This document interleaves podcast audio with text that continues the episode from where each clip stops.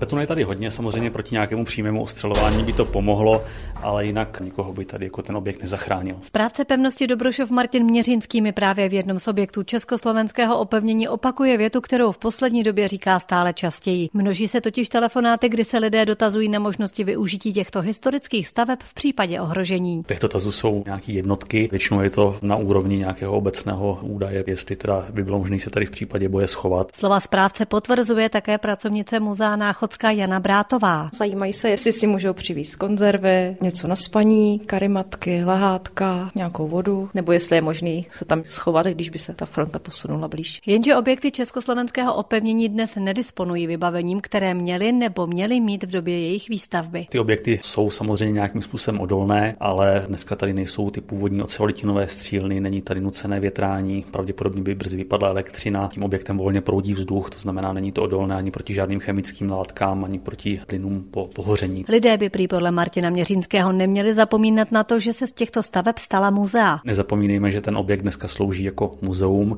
jako národní kulturní památka, je přizpůsobený pro to, aby ti lidé tady toho co nejvíce viděli, zažili, ale není to uspůsobené pro ochranu osob v případě nějaké vojenské situace. Z dotazy na možnosti ukrytu se v malé míře setkávají i ostatní objekty v našem kraji, například Hanička v Rokitnici v Orlických horách nebo Stachelberg na Trutnovsku. Z Dobrošova Jana Házová, kje.